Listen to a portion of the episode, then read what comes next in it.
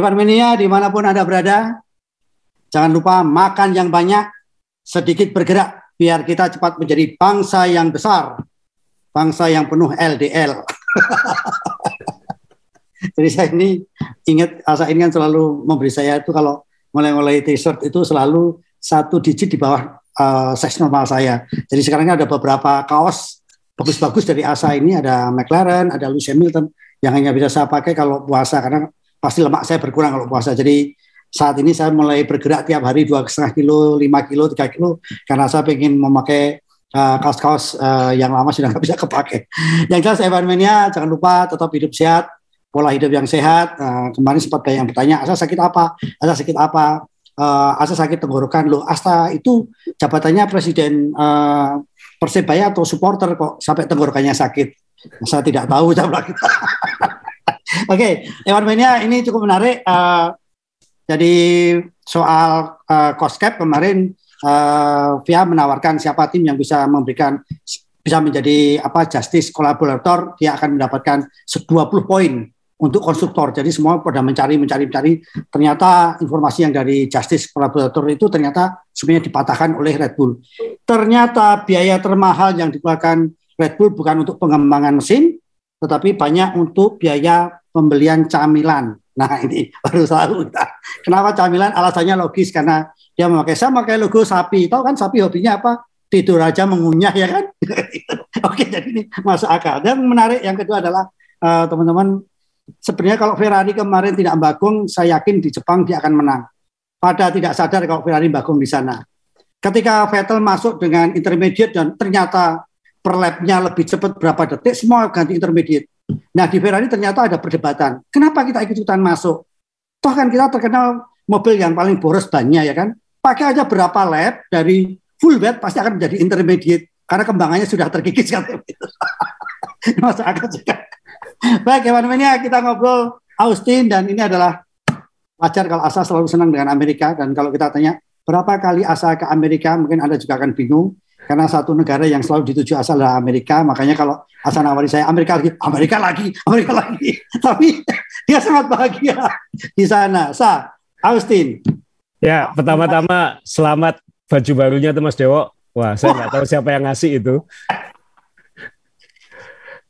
khas yang baru itu.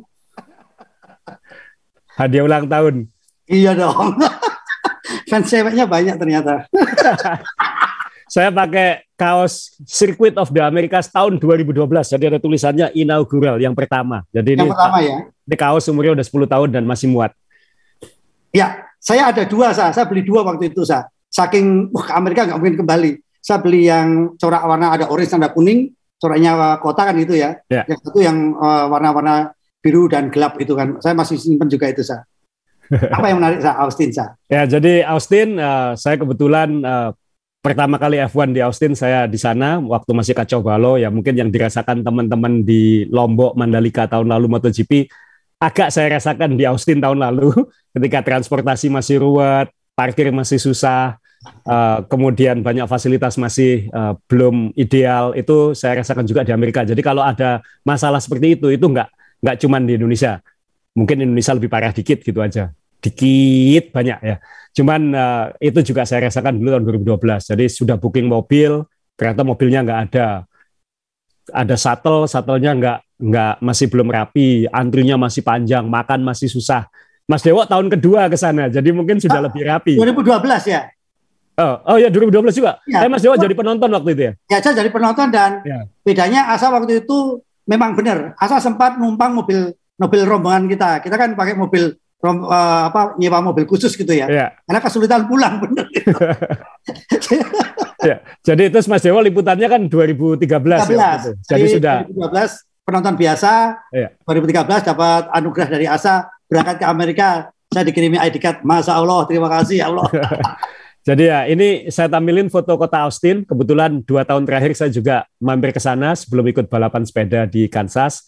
Dan ini salah satu kota yang sekarang salah satu favorit saya. Malah saya mikir anak saya kalau suka engineering nanti sekolahnya di sini aja gitu. Di Austin aja ada University of Texas ya. ya. Nah ini ini kota yang di Texas. Texas itu kan image kita mungkin cowboy, sapi dan lain-lain. Tapi Austin ini kayak kota aneh di tengah Texas. Jadi kalau satu Texas itu apa ya? Cowboy ini modern gitu. Ini kayak Silicon Valley-nya Texas. Malah nanti di dekat sini Samsung akan invest pabrik micro apa pabrik uh, chip ya, konduktor ya, semikonduktor di dekat sini investasi besar-besaran. Jadi ini salah satu kota yang paling paling populer mungkin di Amerika karena banyak anak mudanya, karena ada universitas, lalu sangat maju, sangat termasuk yang liberal uh, dan ada sirkuit F1 tentunya. Jadi kalau kalau anak saya di sana saya pikir wah bisa nonton F1 juga kalau masih ada F1. Kalaupun nggak ada F1 masih ada IndyCar, MotoGP, moga-moga kayak gitu. Kotanya sendiri saya terus terang baru menikmati dua tahun terakhir Mas Dewo karena kan dulu kan fokus ke sirkuit ya. ya. Kalau udah sirkuit um, Mas Dewo mungkin tahu saya kalau liputan F1 pagi sampai malam di sirkuit, kadang nggak sempat jalan-jalan kayak gitu. Ya. Nah, dua tahun terakhir saya benar-benar baru menikmati Austin, bersepeda, jalan kaki, dan ini kota yang kota yang menyenangkan dan jangan lupa makan Texas barbecue di situ. Uh, Texas barbecue itu, waduh, uh, orang Texas itu maniak beef, jadi beef terbaik. Nah, ini saya pengen tampilin fotonya Mas Dewo, tapi Mas Dewo, wah, topinya Minardi di tantangan di Weber itu, Weber sudah di Red Bull. Ya. jadi kalau di sirkuit itu banyak ketemu orang Mas Dewo, ya maksudnya saya ketemu George Lucas, uh, foto sama uh, penemu Star Wars, ketemu sama uh, Matt LeBlanc, Friends. Uh, jadi ketemu artis-artis yang biasanya nggak ketemu kalau di sirkuit Eropa. Jadi ini salah satu tempat yang paling seru. Ini bukti kalau Mas Dewa benar-benar kerja di Austin. Makasih ya saya. Makasih saya. Saya bisa sombong kepada anak cucu saya. Saya pernah ke sini dan jadi wartawan foto. Dan sirkuit ini juga kalau Anda senang sepeda, kalau mampir ke Austin, uh, kalau musim panas, uh, semi sampai gugur kalau nggak salah, kalau Anda cek di websitenya, setiap hari Selasa sore sampai malam dibuka untuk pesepeda. Jadi tinggal bayar 10 dolar, bisa bersepeda di sana sepuasnya. Jadi ya.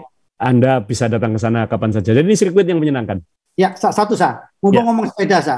Ya. Di Austin kan ada tokoh sepeda terkenal di dunia dan punya toko di situ. Siapa namanya? Uh, Lance Armstrong, uh, mantan oh. juara tujuh kali Tour de France yang gelarnya dicabut karena doping itu, dia orang Austin. Dia punya toko sepeda di situ namanya Melo Johnny. Jadi kalau Anda ke main balap episode tahun lalu, ada episode saya goes di Austin.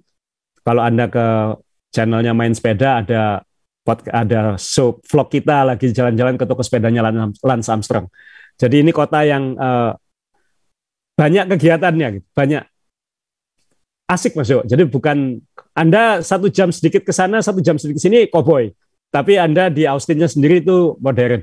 Dan dari Indonesia sebenarnya enak mas Jo. Saya baru sadar terbang dari kalau kita naik Qatar Airlines ya, itu dari Jakarta 8 jam ke Doha, lalu ya. dari Doha ke Houston itu 8 jam. Jadi total hanya 16 jam, transit hanya dua jam. Lalu dari Houston sewa mobil di situ bisa naik mobil hanya dua jam ke dua jam setengah ke Austin dan itu melewati uh, highway-highway Texas yang besar-besar itu. Jadi uh, kalau ke Amerika kan kalau belum ke tengah itu belum ke Amerika gitu ya. Saya nggak nganggap California itu terlalu Amerika, saya nggak nganggap New York itu terlalu Amerika. Yang benar-benar Amerika itu di Midwest di di tengah ini. Jadi kebetulan saya SMA di Kansas, jadi dekat-dekat situ juga. Uh, jadi ya saya selalu senang kalau kalau harus ke Amerika uh, dan uh, Austin salah satu kota favorit saya. Terus terang saya sudah bicara sama istri anak kita kalau memang benar-benar suka engineering mungkin nanti di Austin aja mungkin. Selain biayanya lebih murah dari California juga uh, buat orang tuanya juga nyenengin. ya, uh, sa uh, ada hal yang menarik waktu itu. Ini bulan teman-teman kalau waktu saya masih liputan ini kan fotonya terlalu kecil sekali Ya. Tapi saya mendapatkan tugas dari ASA cukup menarik waktu di sirkuit. Saya diminta untuk makan steaknya banteng. ya iya kan ya? Bison, bison. Oh bison, nah itu ya. setengah mati. Saya mencari harus dicari Mas Dewo. Karena memang inilah zaman itu kita belum belum berkonten ria saya, jadi masih natural ya. sebagai wartawan. Dinikmati, saya benar-benar nyari itu yang namanya uh, steak. steak bison. Iya kan benar ya bison ya? ya? Bukan banteng bison itu ya. Bison, bison ya. Bison, nah itu. Terus ada satu lagi di sirkuit itu teman-teman kalau teman-teman senang juga ada pahanya kalkun yang Asa juga bilang, oh, ya. Mas kamu cari pahanya kalkun. Iya kan, itu dimakan uh, dari lap pertama sampai terakhir masih sisa itu, capek mulutnya. Namanya aja jumbo turkey leg. jadi lah sepaha saya mungkin lebih gede dari tangan yang jelas. Nah, jadi ya, yang, yang menarik di sirkuit ya untuk teman-teman kalau oh selain merchandise kan sudah mesti ada ya. kemudian makanan-makanan sana kan banyak makanan uh, ini saya dari Meksiko ya saya kalau di sirkuit ya. Ya karena kan uh, Texas itu di bawah dekat perbatasan Meksiko, jadi ya pasti banyak makanan ya taco segala macam. Austinnya sendiri ternyata tempat kuliner yang yang asik banget. Jadi banyak Texas barbecue cari aja top 10-nya Texas ada banyak di di Austin jadi makan Texas barbecue uh, kalau anda lihat di main sepeda atau di uh, vlog yang tahun ini dan tahun lalu uh, lihat saya makan uh, apa namanya uh, Texas barbecue itu beef ribs gede-gede itu ya. jadi ya memang orang Texas itu sangat jadi kalau di kita itu pecel atau uh, rendang mana yang paling enak gitu ya di sana itu siapa yang paling jago bikin barbecue dan itu di Texas jadi bikin beef barbecue. Jadi beef itu sangat didewakan. Kalau bisa ngolah beef sebaik mungkin itu kayak, wah kamu dewa di Texas. Jadi jangan lewatkan kalau ke sana. Ini jadi pengen ke sana nih Mas Yo. dan, dan bicara soal ah, sirkuitnya memang ini saya mau nampilin ini dari Cota ya. Jadi kalau profil ya. profilnya memang nggak flat.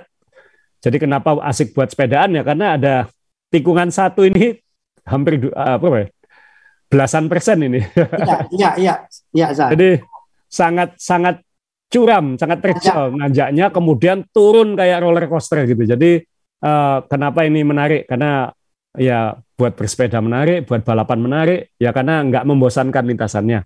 Ini anda bisa nonton yang paling banyak mungkin di sekitar sini ya, bisa nonton banyak di di dekat uh, trek lurus dan tikungan. Ya, betul sa. Kemudian pertama kali saya nonton di situ, jadi bisa lihat dari beberapa sisi saja. Jadi nonton yang Uh, dari ketinggian kan soalnya ini ya. Ya, ya dari trek saat uh, trek pertama langsung lurus itu ya saya itu. Ya. Itu memang menarik. Sa, ini kan yang saya dulu pertama kali jalan kaki, saya balik karena ya. kalau saya tidak saya balik capek saya. Pasti saya akan capek karena itu nanjak. Saya ya. balik dan saya berpikir saya akan pasti ketemu orang-orang yang saya saya apa akan uh, melawan arus uh, lawan arus jarum jam. Jadi pasti arah jarum jam. Jadi akan ketemu orang yang datang. Tikungan pertama ini kan saya lihat memang tajam sekali saya. Ini kan ya. Karena saya berpikir ini kan berbahaya sekali kalau memang dua mobil, tiga mobil bisa masuk bareng ini kan ngeri sekali gitu saya. Uh, karena cepat sekali Mas jadi nggak ya. nggak terlalu terasa sebenarnya. Jadi ketika naik dia ya sensasinya pasti kan dana gitu, tapi mobil F1 kan nggak kayak kita. Dia kan cepat sekali, jadi pasti lebih terasa dan tiba-tiba turunannya udah kelihatan gitu aja. Ya, jadi tapi itu 90 derajat kan potongannya itu benar-benar tajam sekali kan. Uh, hampir ya. 180 malah iya ya, kan? agak ya, kan? tajam. Dan apa kalau misalnya teman-teman dapat kesempatan ke Austin juga coba naik ke towernya ini bisa oh, melihat iya. sampai ke kota Austin nanti. Ya. Uh, jadi banyak uh, dan ini akan berkembang terus. Malah ada wacana katanya sekarang uh, bagaimana kalau ke depan F1 di sini nanti supporting race-nya itu MotoGP atau IndyCar. Jadi kan akan ada variasinya bisa lebih berkembang lagi itu akan sulit dilakukan, tapi jangan kaget kalau ke depan nanti ada minggunya F1, Sabtunya mungkin IndyCar atau pagi sorenya seperti apa diatur. Dan ini sirkuit punya semuanya kan, MotoGP ada, uh, IndyCar ada, F1 ada, balapan-balapan lain, bisa buat sepeda, luar anu uh, salah satu sirkuit yang ketika dibuat itu benar-benar dipikir pemakaiannya sepanjang tahun. Jadi karena swasta kan maksudnya di Amerika itu semuanya swasta. Dia harus mikir bagaimana cari uangnya gitu. Jadi bagaimana caranya sirkuit ini tetap hidup uh, tidak mengandalkan satu event. Itu tantangan teman-teman kita di Mandalika sekarang kan saya yakin. Ya. Nah uh, ada satu lagi Mas Dewo uh, sebelum kita berlanjut jadi ini uh, sirkuit yang meliuk-liuk. Tadi kita lihat gambarnya.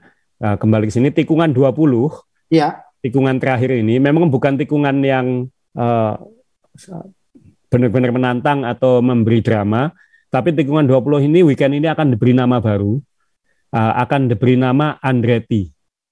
Jadi uh, untuk menghormati Mario Andretti uh, atau keluarga Andretti, Mario Andretti kan yang kenal F1 pasti tahu ini juara dunia tahun 78, tapi juga juara IndyCar, juara Daytona, menang hampir semua balapan yang dia ikuti, uh, dan uh, salah satu nama paling kondang di Amerika lah sampai satu-satunya pembalap yang dibuatkan lagu kan Mas Dewo. Sampai ada lagu pop yang bikin nyetir seperti Mario Andretti. Anda cari Drive Like Mario Andretti itu lagu-lagu pop ada semua.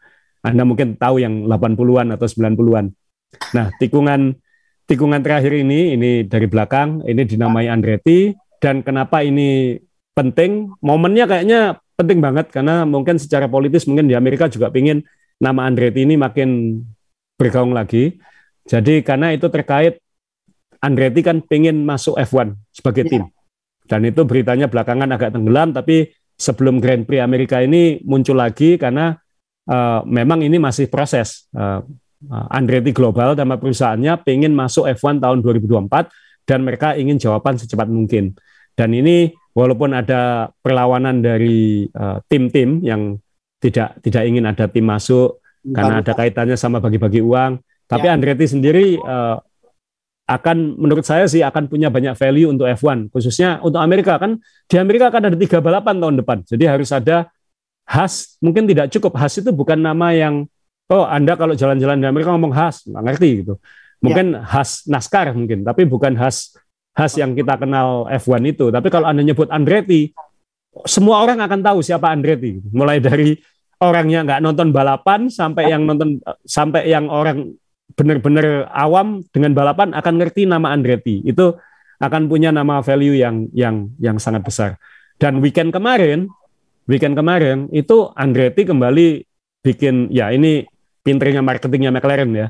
Uh, McLaren uh, mengundang Mario Andretti dan ngasih dia kesempatan naik mobil McLaren tahun 2013 uh, MP433 kalau nggak salah. Uh, dan itu uh, di sirkuit Laguna Seca di Monterey dekat San Francisco. Uh, jadi Mario Andretti umur 82 tahun naik mobil F1. Anda bisa cari videonya di YouTube. Uh, ya. Jadi ini mungkin pem, orang tertua yang naik mobil F1 modern mungkin. Jantungnya kuat ya masih kuat ya jantungnya ya. Dia masih sekarang masih ngasih uh, acara-acara Mas Dewa. Jadi Mas Dewa kalau misalnya cari websitenya ada. Uh, Om Bobby Arifin tahun lalu udah jalani. Uh, saya pengen sebenarnya jadi kita bayar donasi uh, sekian uh, sekian uang, dia akan naik. Anda bisa naik two seater, jadi uh, mobil single seat, uh, mobil uh, open cockpit, uh, dua open wheel, ya. dua dua tempat duduk, dan dia akan muteri Anda di sirkuit Indianapolis. Dan it, jadi Anda disupiri kecepatan di atas 300, yang nyupir umur 82, berani. jadi uh, ya, Om, Om Bobby yang sudah ngerasain mungkin nanti saya akan minta cerita. Uh, jadi ini uh, Mario Andretti sekali lagi uh, masih berusaha masuk F1. Bukan hanya itu, di Amerika juga dia belakangan juga makin nggak tahu kenapa ini bentuk kampanyenya Andretti atau apa uh, dunia balap Amerika.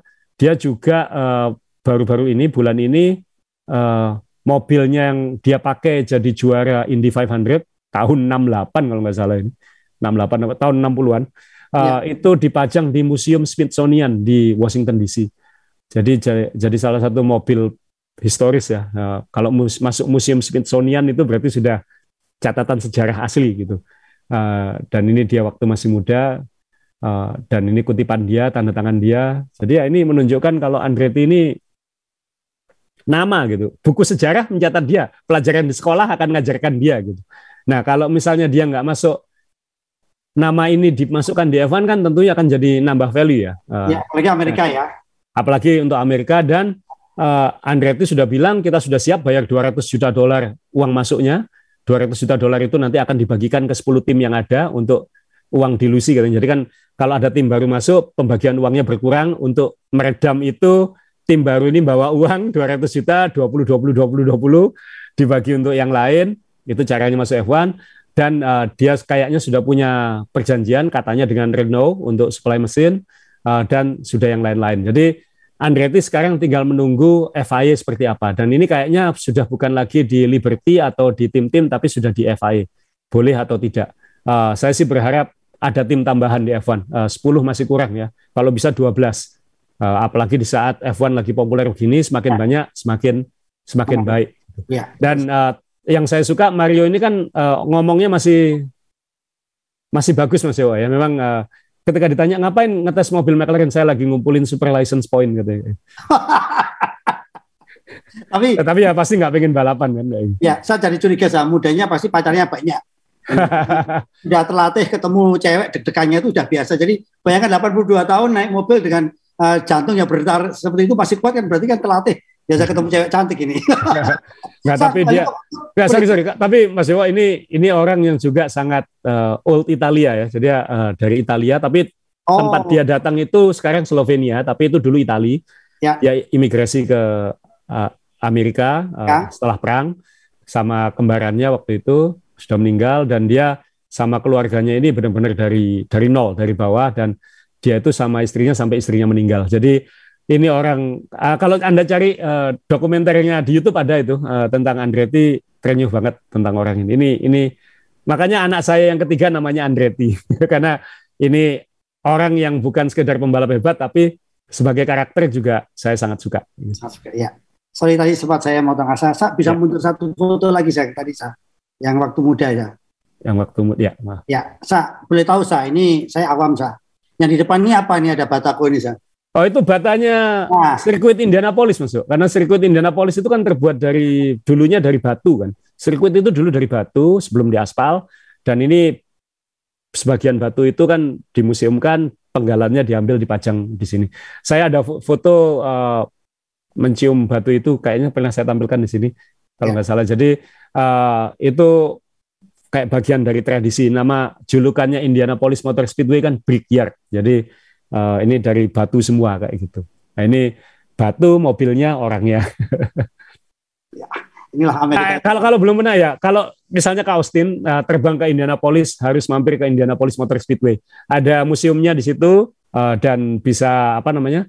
Uh, ada turnya untuk naik naik bus keliling sirkuit dan bisa berhenti dan kadang-kadang ada mantan-mantan pembalap atau juara uh, ada di situ untuk ngasih tanda tangan. Jadi uh, sekali lagi kalau misalnya ke Texas, Texas ke atas ke Indianapolis nggak terlalu jauh, jadi coba aja mampir sekalian.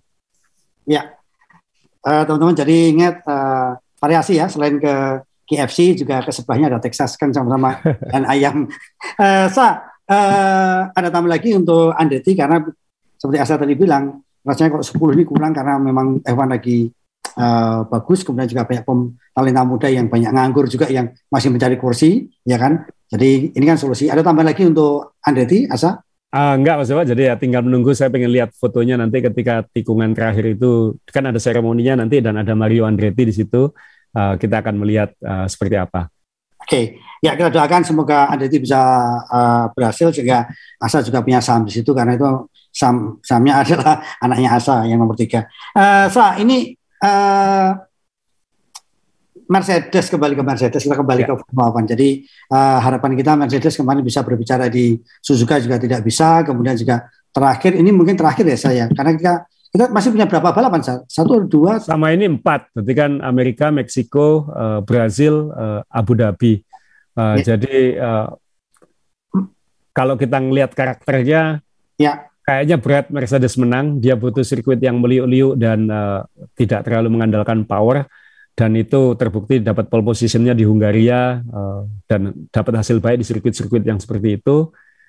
Kemarin dikira mungkin Suzuka ngasih kesempatan ternyata malah agak jauh. Uh, kemudian Russell tapi sebelum itu bilang uh, kalau peluang terbesar kami malah mungkin di uh, Austin karena Austin. dalam sejarahnya Mercedes ini uh, jago di Austin. Jadi uh, dari sembilan lomba yang sudah diselenggarakan di sana uh, itu lima kali dimenangkan oleh Mercedes. Hamilton khususnya lima ya. kali dimenangkan oleh Mercedes dan uh, jadi mereka tahu bagaimana setting mobil di Austin. Cuman yang jadi pertanyaan kan mobil ini regulasinya baru uh, dan kelemahan mobil Mercedes ini adalah selain overweight, uh, katanya sih sampai 10 kg lebih berat dari batasan, tapi banyak mobil lain juga overweight. Juga uh, karakter aerodinamikanya itu uh, tracknya tinggi, tahanan anginnya tinggi, jadi tidak terlalu kompetitif di track yang lurusnya banyak. Jadi kelihatan kemarin di Suzuka kan, ya memang nggak ada DRS ya, tapi nggak bisa nyalip Alpine kan. Uh, Lewis Hamilton kesulitan banget nyalip uh, nyalip Alpine di track lurus dan selalu jadi makanan empuk di track lurus biasanya.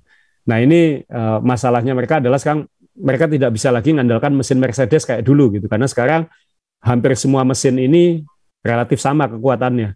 Malah ada yang bilang uh, antara mesin terbaik dengan mesin terburuk sekarang selisihnya hanya 12 tenaga kuda katanya. Dan itu nggak ada apa-apanya di F1 kalau dibandingkan angka mendekati 1000 kan 12 nggak ada apa-apanya Mas Yo. Jadi betul, betul. Uh, tidak tidak terlalu ngaruh. Dan kalau mobilnya high drag uh, tahanan anginnya tinggi itu malah mempenalti mesinnya. Jadi kendalanya Mercedes di situ. Nah kalau kita ngelihat layoutnya Austin tadi kan ya power ya masih butuh power Nah ini yang uh, dan saya tahu betul karena lebar dan tikungan-tikungan itu kelihatan nikung tapi banyak bisa diambil lurus. Ngalir ya.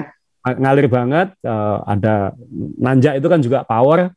Ya. Jadi ya saya nggak tahu benar nggak omongannya Russell ini ini peluang peluang terbesar justru di sini.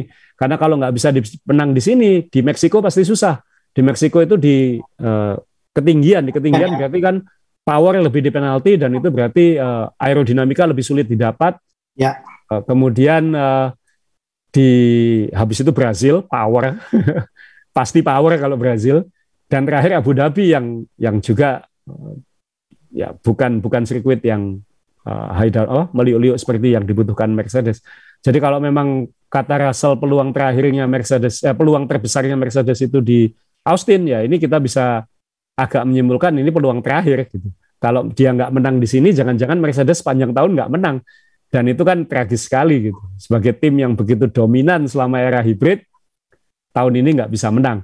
Dan mereka bawa update mas musim ini uh, ke Austin. Jadi mereka bawa update terakhir uh, itu terkait uh, meringankan bobot katanya sekaligus untuk belajar untuk untuk tahun depan. Jadi uh, Mercedes akan melihat seperti apa dia di uh, di Austin, uh, update-nya itu seperti apa, karena itu akan menentukan mobil mereka tahun depan.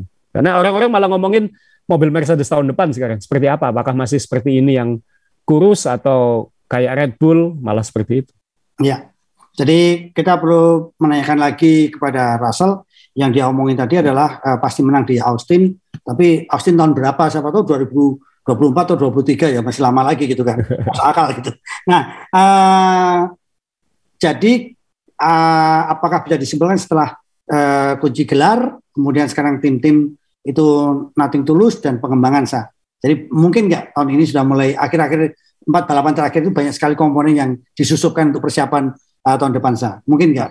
Uh, karena adanya budget cap uh, kayaknya enggak Mas Jawa, tapi kayaknya effort di terowongan angin, di uh, CAD, di simulator dan lain-lain sudah ngarah ke tahun depan semua sejak bulan lalu mungkin. Jadi uh, tim kebanyakan tim-tim mungkin sudah ya sudahlah uh, kita jalani sisa musim ini hemat biaya semaksimal mungkin, ya. uh, nyimpan uang untuk tahun depan. Uh, mungkin Mercedes masih coba satu kartu lagi dikeluarkan uh, karena dia ada gengsi harus ngejar menangnya mungkin. Ya. Uh, kemudian uh, kalau untuk Red Bull kan pasti buat apa sudah sudah tinggal apakah Verstappen bisa mecahin rekor 13 13 kemenangan itu kan ada empat lomba untuk merebut dua kemenangan kan, dan itu sangat mungkin. Uh, jadi peluang uh, Red Bull ini terlalu dominan musim ini sehingga peluang itu mungkin lebih besar daripada Mercedes menang. Nah, tapi kan sebagai penggemar F1 kita ingin lihat sesuatu yang yang baru, yang yang yang bikin cerita. Jadi yang sekarang kita butuhkan bikin cerita Mercedes bisa menang nggak ini? Karena kalau nggak uh, ya tragis itu aja. Dalam artian Lewis Hamilton di tahun waktu McLaren mobilnya eh McLaren dulu ya waktu tahun 2009 mobilnya jelek aja dia masih bisa nyuri satu dua kemenangan gitu. Nah ini bagaimana ini? Nggak nggak bisa meraih kemenangan sama sekali. Ya. di mobil yang sebenarnya bukan jelek kan? Nah, karena ini masih mobil nomor tiga mungkin musim ini. Jadi bukan mobil yang yang jelek. 2009 dulu mobilnya mobil belakang gitu. Jadi tapi dia masih, masih bisa mencuri uh, kemenangan. Nah ini masih bisa nggak? Ini ada yang ada yang sampai ada yang berkomen juga, apakah motivasinya Hamilton sudah berubah? Apakah umurnya mulai kelihatan? Iya, jadi agak sulit juga karena kan Hamilton ini mungkin 8 tahun terakhir terlena dengan mobil yang dia setengah ngantuk aja minimal tiga besar kayak gitu. Autopilot ya? Autopilot. Ya bukan berarti itu gampang ya. Dia tetap harus tampil maksimal untuk jadi juara dunia dan lain-lain dan mengalahkan teman satu timnya sendiri. Tapi dia sekarang pada situasi harus struggle gitu. Struggle dengan dominan kan mentalitasnya agak beda, lebih capek kan. So. Nah ini uh, ya kita lihat benar nggak kayak gitu ya. Hamilton pasti pengen menang kan, kan ya, ya. natural. Pasti ingin menang, tinggal bisa atau tidak kesempatannya kapan. Dan siapa tahu mungkin uh, walaupun Meksiko, Brazil sama Abu Dhabi secara sirkuit nggak cocok, tapi mungkin ada situasi-situasi khusus yang mengakibatkan uh, Mercedes menang kan? Juga siapa tahu gitu. Ya, uh, saat kita agak bandingkan dengan MotoGP ya karena MotoGP juga awalnya kita lihat sepi sekarang setelah poinnya berdekatan jadi lebih ada seru-serunya juga. Tapi uh, kasusnya Lewis Hamilton mungkin kita bisa melihat uh, Marquez kemarin bagaimana Honda nomor dua aja rasanya udah wah garasi itu rasanya itu apa ya uh, tim yang dominan bertahun-tahun akhirnya setelah mengalami masa sulit nomor dua aja rasanya sudah sangat memberikan yeah. uh, motivasi yang luar biasa. Apakah sama nasibnya ini Honda dengan dengan dengan Mercedes yang membutuhkan harus kemenangan karena kan ada sponsor ya ada nilai ya. sponsor yeah. yang begitu besar di punggung mobil mereka sah. Ya pasti Mas Yo, pasti pasti ya malu kan kalau nggak nggak menang apalagi tim selevel ini gitu. Ya. Uh, jadi ya kan tidak ingin tercatat dalam sejarah oh kamu tahun 2022 tidak menang sama sekali. uh, ya. Dan MotoGP untungnya seru ya. Jadi kita masih ada yang bisa kita tonton apalagi sekarang di sini. Uh, dan kemarin uh, uh, Peko lumayan dewasa, dia nggak ikut fight gitu dah. Yang penting nomor tiga finish, toh dua Ducati belakangnya nggak boleh nyalip kayaknya itu. ya kayak agak jaga jarak kalau kita lihat di akhir, sehingga uh, dia tetap bisa puncak klasemen. Ya, kalau Ducati bisa juara dunia tahun ini kan itu kabar baik juga untuk MotoGP, sesuatu yang ya. baru. Honda ya. sekarang sudah mulai comeback. Nah sekarang tinggal nunggu di di F1 kan sudah ada Red Bull juara dunia, uh, Ferrari sudah menangan lagi. Uh, ya. Tapi sekarang loh kok Mercedes nggak bisa menang. Jadi kalau ada tiga tim kan tetap lebih baik. Jadi ya, ya kita tunggu. Saya sih berharap tetap. Saya sudah lama nggak jadi pendukung Hamilton. Saya terakhir pendukung Hamilton masih di McLaren dulu, uh, karena saya biasanya nggak mendukung yang dominan. Uh, tapi sekarang malah berharap ala Mercedes menang satu lah supaya ya, yang menang nggak hanya dua tim. Ya, jadi kemarin Peko P-nya itu benar-benar P bukan B ya. Kan kapan hari dia bilang sendiri saya akan harus lebih cerdas lebih uh, smart karena apa? Jangan P jadi B kan? Tahu-tahu ya, jatuh sendiri kan poin hilang gitu kan. Dan Ducati kayaknya udah mulai pinter itu yang di belakangnya dua itu ayo ayo jangan ganggu. Kan kelihatan di lap-lap terakhir kayak mau nyalip tapi terus nahan diri gitu dua-dua dua timnya Rossi itu yang di belakangnya. Ya oke okay. uh, eh, cukup menarik Peko bukan berarti nggak boleh lagi B, jadi harus Peko terus nggak boleh B terus. Karena kalau sampai poinnya hilang ya sudah. Uh, saat ini uh, rasanya tinggal Austin kalau asal tadi simpulkan dan rasanya juga uh, Mercedes harus menang karena membawa sponsor yang luar biasa di punggung mobilnya. Nah, untuk kita sebelum kita ngobrol lagi topik lain, ada nggak uh, uh, catatan menarik dari Mercedes uh, tahun ini, Sa? Ya, yang kita lihat adalah bahwa Mercedes ini kan punya konsep, ini saya tampilin lagi mobilnya Russell di Jepang, dia satu-satunya tim yang bertahan pakai apa uh, size zero uh, tanpa sidepod ya. Jadi ya. dan ini kayaknya akan punah karena uh, jangan-jangan nanti update-nya di Austin nanti itu yang berubah. Kita nggak tahu, lihat aja nanti uh, weekend ini. Jangan-jangan itu yang berubah. Nah ini uh, kayaknya dia akan meninggalkan itu. Kayaknya dia tahun depan akan ikut konsensus, uh, akan pakai sidepod yang lebih lebih besar. Ya. Uh, dan tinggal kita lihat dia nanti seperti apa. Nah, yang saya tunggu nanti upgrade-nya di apakah upgrade yang di Austin itu termasuk itu. Karena McLaren kan sudah uh, mobilnya Lando sudah seperti punya Red Bull kan kayak gitu. Nah, apakah mobilnya Mercedes nanti juga ikutan? Karena tinggal dia yang seperti itu. Awal tahun Williams seperti itu enggak. Akhirnya uh, jadi dia sudah tahu bahwa konsep dia ini mungkin salah belok, yang lain belok ke jalur utama, dia masuk gang sempit kayak gitu. Nah, saya ingin tahu nanti upgrade-nya yang walaupun katanya itu terkait dengan bobot mobil, tapi mungkin akan ngasih clue tentang keinginan dia tahun depan karena dia harus mencobanya di lintasan. Tahun depan kan testingnya akan terbatas lagi gitu. Jadi dia harus mencobanya di lintasan dan nothing tulus juga sebenarnya. Jadi kita lihat nanti jangan-jangan nanti upgrade-nya Mercedes di Austin nanti jangan-jangan kayak Red Bull, jangan-jangan. Uh, tapi tapi itu sangat menentukan untuk untuk uh, tahun depan karena di, uh, Mercedes sendiri yang bilang bahwa ini akan menentukan langkah kita untuk 2023. Ya, itu kalau benar-benar uh, Mercedes ngikutin kayak Red Bull ini Nui jadi punya jenggot ya. Jadi dia lihat sampai kata-kata cuma gini-gini. ini ya. luar biasa dia. Ya. Sempat melihat biasa kemarin satu sa, tentang Nui sa. Waktu di Jepang kemarin asal sempat melihat nggak bagaimana Nui yang begitu bergembira ini berapa mobil yang dia ciptakan jadi juara dunia semua? Oh, puluhan ya. Gila ya. Gila ya. 34 tahun ya uh, sejak sejak bikin mobil Merch. Dia udah nganterin Williams juara dunia, McLaren juara dunia, dan Red Bull juara dunia. Jadi ya mungkin yang bukan cost cap ya, mungkin harus ada new cap. Tapi luar biasa, saya juga nggak tahu apakah uh, maaf orang setua beliau sesepuh beliau, tapi apakah masih mengikuti zaman yang sudah berubah, semuanya sebuah high tech itu saya nggak tahu juga apakah memang nalurinya itu yang bisa dikembangkan ya. anak-anak muda yang bisa menerjemahkan kan kita nggak tahu juga. Sakti itu mas itu kan dulu goyonannya kan dia bisa ngelihat angin kan. Jadi orang butuh biaya bangun wind tunnel, butuh biaya bikin program CFD, Nui cukup mikir gini aja udah ngelihat anginnya kok kalau anginnya begini begini kan tiap orang punya berkah dari Tuhan yang macam-macam. Oh, Siapa iya, iya. berkah dari Tuhan dia adalah di kepalanya itu bisa melihat angin dan bisa membuat kalkulasinya. Siapa hmm, tahu? Kan iya, itu iya. Ya ini nanti kita ngomong cost cap terakhir ya, karena kan cost cap itu kan uh, yang di Red Bull itu kaitan dengan manusia ternyata. Jadi uh, tetap kan orang yang membuat dengan segala alat, dengan segala terowongan angin, dengan segala simulator dan lain-lain kan tetap orang yang harus menentukan pada akhirnya itu data-data yang harus diolah yang kemudian diputuskan. Yo kita ke sini, kita ke sini. Nah, Nui mungkin dia aja masih gambar kok sekarang, masih pakai papan, Mas. Nah, makanya saya, ya tadi saya sampaikan. Jadi mesin paling mahal kan tetap ini. Mesin paling mahal di dunia. Dan dia punya punya berkah itu dari Tuhan. Iya, sebenarnya orang Indonesia harusnya banyak yang bisa sehebat Nui karena orang Indonesia ini kan punya teknologi uh, masuk angin dikeroi saya. Jadi kan dia tahu di mana anginnya itu berada, sa. Oh, punggung bagian ini, bagian ini. Ini kan seharusnya pinter orang Indonesia ini.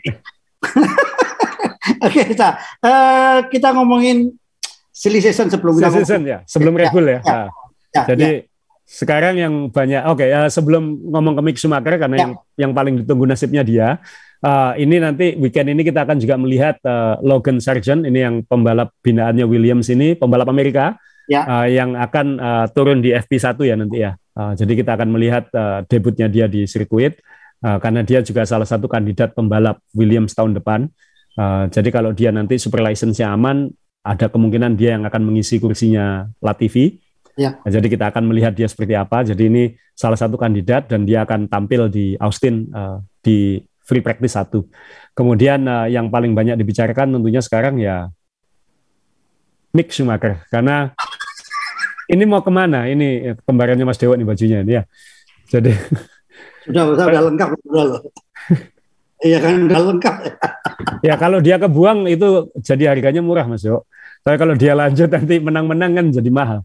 Uh, tapi nah, kembali sa, kalau ya. sampai seandainya ini hilang, sementara di Formula One juga butuh cerita sa. Ini kan Andretti ya. tadi kan juga di berusaha untuk dimasukkan oh. karena itu ada cerita kan. Ini kan anak muda ini juga punya cerita yang luar biasa bapaknya gitu kan itu kan. Ya.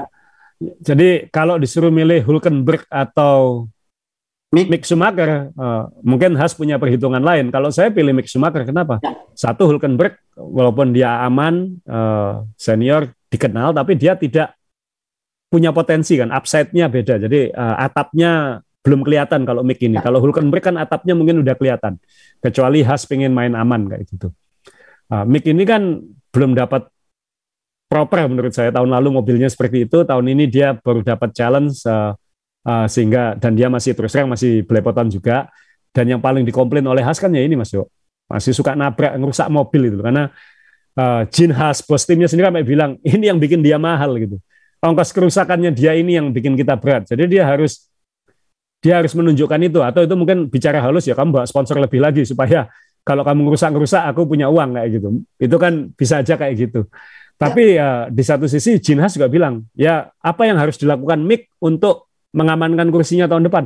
Ya kalau dia menang di empat lomba tersisa ya dia aman. ya kan susah. susah. kalau dia dapat poin, ya itu gray area katanya berapa poin. nah ini ini tekanannya luar biasa ya. Tekanannya luar biasa. Jadi sekarang ya Mick harus uh, harus habis-habisan. Uh, dia menurut saya lumayan kemarin di Suzuka kan, cuman kan karena keputusan strategi tim yang ya. bikin dia melorot. Uh, jadi dia minimal di lintasan basah dia menunjukkan potensi. Uh, kemudian uh, ya kita lihat nanti di Austin di uh, empat lomba tersisa ini dia bisa dapat poin atau tidak. Yang jelas dia sejak tengah musim sudah mulai ngimbangi atau malah ngalahin Magnussen sebenarnya. Ya. Jadi itu itu modal itu modal dia. Jadi ya. Uh, ya apakah dia tetap di Haas atau nanti itu jadi bargaining dia ke Williams? Kan kita nggak tahu. Williams kan pasti akan suka punya nama uh, punya nama Schumacher di situ juga ya. untuk bantu profil timnya juga untuk naik kan.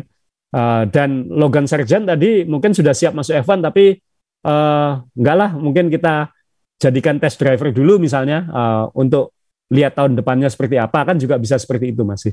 Nah ini uh, Mick masih punya dua opsi uh, dan saya berharap Mick Schumacher tetap dipertahankan.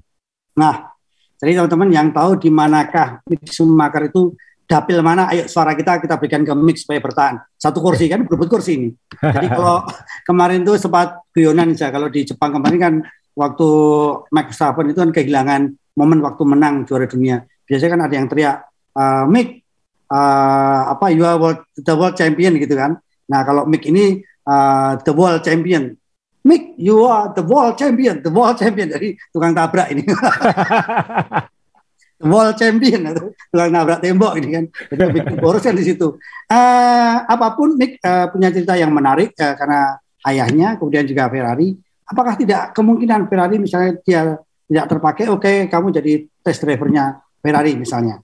Kalau levelnya Mick kayaknya sudah nggak bisa test driver lagi Mas Yo, kecuali dia harus sabatikal ya. Dia mungkin milih oke, okay, kalau aku disuruh jadi test driver ya aku mending Ferrari karena kan itu uh, tim besar kalau siapa tahu Leclerc atau Sainz sakit dia langsung naik kan kayak gitu. Jadi doanya jelek ya.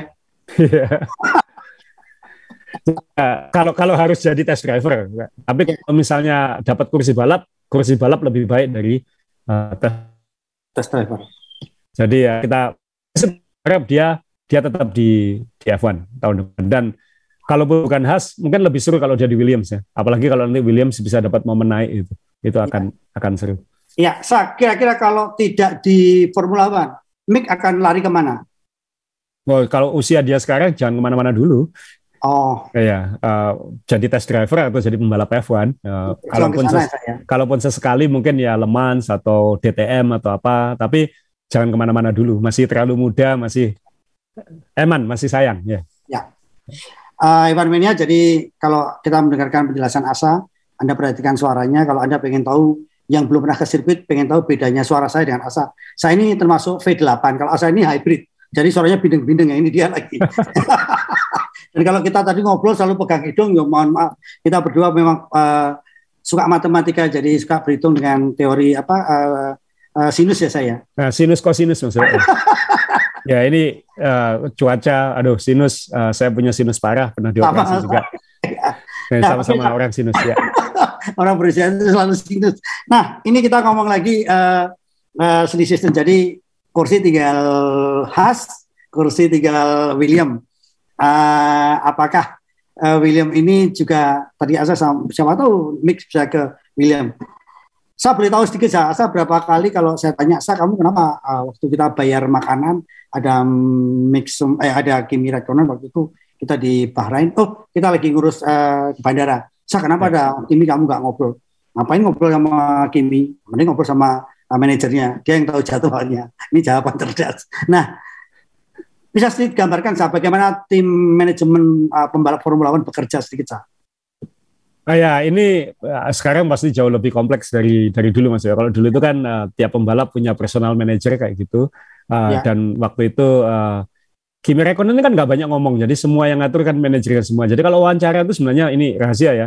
Kalau kita ngomong uh, wawancara gitu, nanti yang banyak jelaskan manajernya. Kiminya ngomongnya kan uh, yes, no, maybe kayak gitu-gitu aja gitu. Jadi uh, informasi isian itu lebih dari manajernya. Jadi kalau ditanya Kenapa nggak ngajak ngobrol Kimi? Percuma mau ngomong apa gitu. Karena Kimi sangat sangat irit ngomongannya. Ya. Nah, tapi uh, kalau misalnya uh, pembalap-pembalap sekarang kan kalau kita lihat sudah jauh lebih korporat ya kayak Mick Schumacher ya. ngomongnya bagus. Semua pembalap F1 sekarang itu wah robot perusahaan semua gitu. Jadi uh, makanya sulit cari yang berkarakter. Akhirnya muncul yang unik-unik kayak Lando Norris kayak gitu itu jadi seger karena yang lain itu ya kayak ya kayak apa ya cetakan semua gitu. Templatean semua.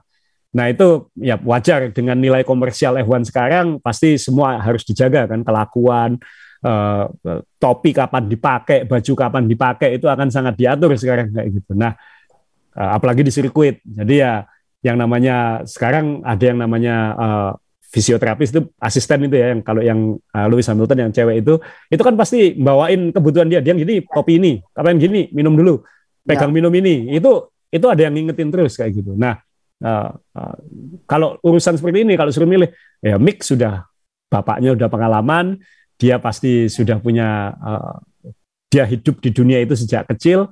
Uh, jadi secara korporasi mungkin lebih cocok. Uh, kalau Logan Sargent kan, jujur saya belum tahu kepribadiannya seperti apa. Nonton balapannya hanya di F2. Uh, jadi ya kita belum bisa tahu dia orangnya seperti apa kan baru kelihatan ketika terekspos di F1 kan so. Nah itu ya. yang yang kalau yang sudah di F1 sekarang kan ya ya untungnya sekarang banyak anak muda anak muda yang lucu-lucu itu kan ya Albon, uh, Norris yang ya, anak-anak main game itu yang yang membawa kepribadian baru ke F1. Jadi ya uh, manajer sekarang mungkin lebih ke bisnisnya aja mungkin uh, ayo ini dapat kursi ngitung-ngitungnya gimana gitu aja. Uh, untuk ngatur-ngaturnya mereka sudah lebih tahu semua. Kalau zamannya Kimi dulu kan masih raw semua, masih masih transisi era liar, era era Sena, Schumacher, lalu kan ada banyak bad boy-nya kan ada Montoya, ada ya. dan lain seperti itu. Jadi masih raw gitu. Tapi ini sudah polesan semua sekarang. Oke, teman-teman, uh, inilah menariknya uh, manajer uh, di uh, Formula One bagaimana perannya dan tadi Aca sudah singgung kalau sekarang ini memang lebih banyak ke marketing, lebih ke bisnis. Nah, ini masih ada uh, peluang lagi nggak? Selain dua kursi direbut direbutkan oleh beberapa. Ini apa selain tadi Asa sebutkan ada pembalap yang Logan tadi apakah ada yang lain? Uh, uh, atau ini saja yang cukup pembalap yang ber, yang berebut? Uh, kayaknya sekarang kayaknya Ricciardo sudah nyerah ya. Kayaknya dia akan oh. jadi test driver. Ya. uh, nggak tahu di mana katanya Mercedes. Uh, tapi di dua kursi ini yang rebutan intinya ya Mick uh, Hulkenberg sama Logan kayaknya, Logan okay, Sargent. Ya. Jadi ya kayaknya tiga ini untuk dua kursi kayaknya. Tapi kita ya. masih ya kita nggak tahu nanti ada kejutan apa kan ini F1. Ya, uh, ya moga-moga uh, saya sih tetap berharap Mick, Mick dapat kursi lah. Nggak harus di Haas, mungkin di Williams mungkin lebih seger buat dia juga. Ya, uh, Sa, kita sekarang ke Red Bull Sa. Ini bagaimana kabar uh, terakhirnya dan perkembangannya Bull saat ini dengan uh, kasus yang menimpa. Apa saya yang asal lihat? Saya suka foto ini Mas Yo, lihat matanya Horner. Kenapa saya? Coba lihat. ah, mata orang-orang cerdik garis tipis licik. Jadi apa namanya ada orang-orang F1 ini kan uh, julukannya aja piranha club ya. Dalam artian akan saling makan gitu di kolamnya itu. Nah, uh, memang uh, sejak kasus ini rame setelah Jepang kan agak agak susut ya, agak sepi. Uh, sudah dinyatakan bersalah, tapi belum ada hukumannya, belum ada kelanjutan apakah sidang atau apa. Uh, jadi kita masih harus menunggu dan pasti akan ramai dibicarakan di Austin atau mungkin ada kabar sebelum Austin. Tapi saat kita syuting ini uh, masih belum ada update apa-apa dan uh, mungkin mungkin ini sedang ada negosiasi sekarang ini seperti yang terjadi pada Ferrari 2019 ya. saat mesinnya dianggap ilegal, kemudian ada negosiasi yang kemudian uh, kesalahannya tidak diungkapkan secara publik, tapi dia harus melakukan sesuatu dan itu kita kelihatan hasilnya tahun 2020 Ferrari begitu pelan karena mesinnya mungkin dikasih pembatasan atau apa, tapi tidak pernah disampaikan salahnya apa kayak gitu. Nah, jangan-jangan sekarang juga ada negosiasi seperti itu, jadi Red Bull akan oke, okay, uh, aku akan mengalah begini begini begini uh, tapi uh, jangan kasih tahu aku melewati batasnya berapa dan uh, apa namanya uh, gelar-gelarku jangan dicopot siapa tahu. Itu pasti sekarang perundingan-perundingan itu terjadi uh, yang jelas opsinya kan dua seperti kita bahas minggu lalu bahwa kalau Red Bull tetap melawan uh, maka kalau dia tetap bersalah konsekuensinya bisa hilang uh, gelar musim lalu. Kalau dia bersedia uh, mengakui kesalahan, maka sanksinya akan lebih ringan. Ya. Jadi tinggal negosiasinya seperti apa, uh, tapi uh, kalau menurut Peter Windsor yang uh, salah satu narasumber F1 yang paling saya suka itu katanya sih melewati batasnya. Batasan cost cap-nya kan 145 juta. Katanya sih nggak sampai 10 juta atau 7 juta yang dibicarakan orang-orang. Katanya sih sekitar 2 juta, 2 sampai 2,2 juta. 2,2 eh, juta tetap banyak Mas Ewo, itu tetap itu tetap bisa bikin sasis baru, bisa bikin uh, banyak update baru yang bisa mempengaruhi performa. Jadi uh, eh, 2 juta itu apakah cukup untuk hukuman kejam atau tidak? Nah, ini yang sekarang karena ini belum pernah terjadi ini kali pertama. Nah, 2 juta itu di mana? Uh, kan banyak omongan ya di komen-komen kita juga katanya itu biaya catering segala macam kan itu jelas uh, catering tidak termasuk ya. Catering tidak termasuk, uh, gaji pembalap tidak termasuk, kemudian tiga tiga karyawan termahal tidak termasuk. Ya. Nah, yang terjadi di Red Bull salah satu gosipnya adalah ini terkait sama gaji katanya. Jadi uh, katanya itu bukan masalah bikin komponen atau apa, tapi ada gaji orang yang kelebihan. Nah, tiga orang itu siapa ya? Kita yang kelihatan pasti Christian Horner satu, Adrian Nui dua. Nah yang satunya mungkin apakah ini kepala desainernya atau siapa? Nah tapi ini ada orang keempat Helmut Marko. Ya. Nah Helmut Marko ini dihitung sebagai konsultan atau karyawan. Nah itu mungkin yang yang terkait uh, kan bisa aja Helmut Marko bukan karyawan Red Bull Racing, dia karyawannya Red Bull perusahaan minumannya mungkin. Minumannya ya. Nah itu pembukuannya seperti apa? Ya. Katanya salah satunya itu. Nah gajinya Helmut ini katanya sekitar 4-5 juta setahun. Nah, itu dimasukkan atau tidak dan itu bikin bablas eh, 2 sampai 2,2 juta itu katanya. Itu salah satu gosipnya. Ini bukan berarti benar tapi itu salah satu gosipnya. Jadi terkait uh, gaji orang. Tapi uh, ya F1 itu kan tadi kita ngomong mahalnya orang kan Mas Dewo. Jadi uh, membayar Nui 10 juta itu lebih lebih efektif daripada bikin 10 chassis kan kayak gitu. atau atau 30 insinyur. Iya. Nah, ini yang yang uh, jadi perdebatan. Nah, kalau memang benar ini urusan uh, gaji orang, nah ini pasti uh, nggak saya nggak tahu negosiasinya akan seperti apa gitu. Karena uh, kalau memang Helmut nggak dihitung itu di bawah budget cap. Kalau Helmut dihitung itu lewat budget cap. Nah, ini mungkin di situ katanya sih kira-kira di situ. Ya. Kira-kira apa sah menurut Asa? Kenapa Ferrari punya masalah tidak diungkapkan? Iya. Ya pasti aib ya.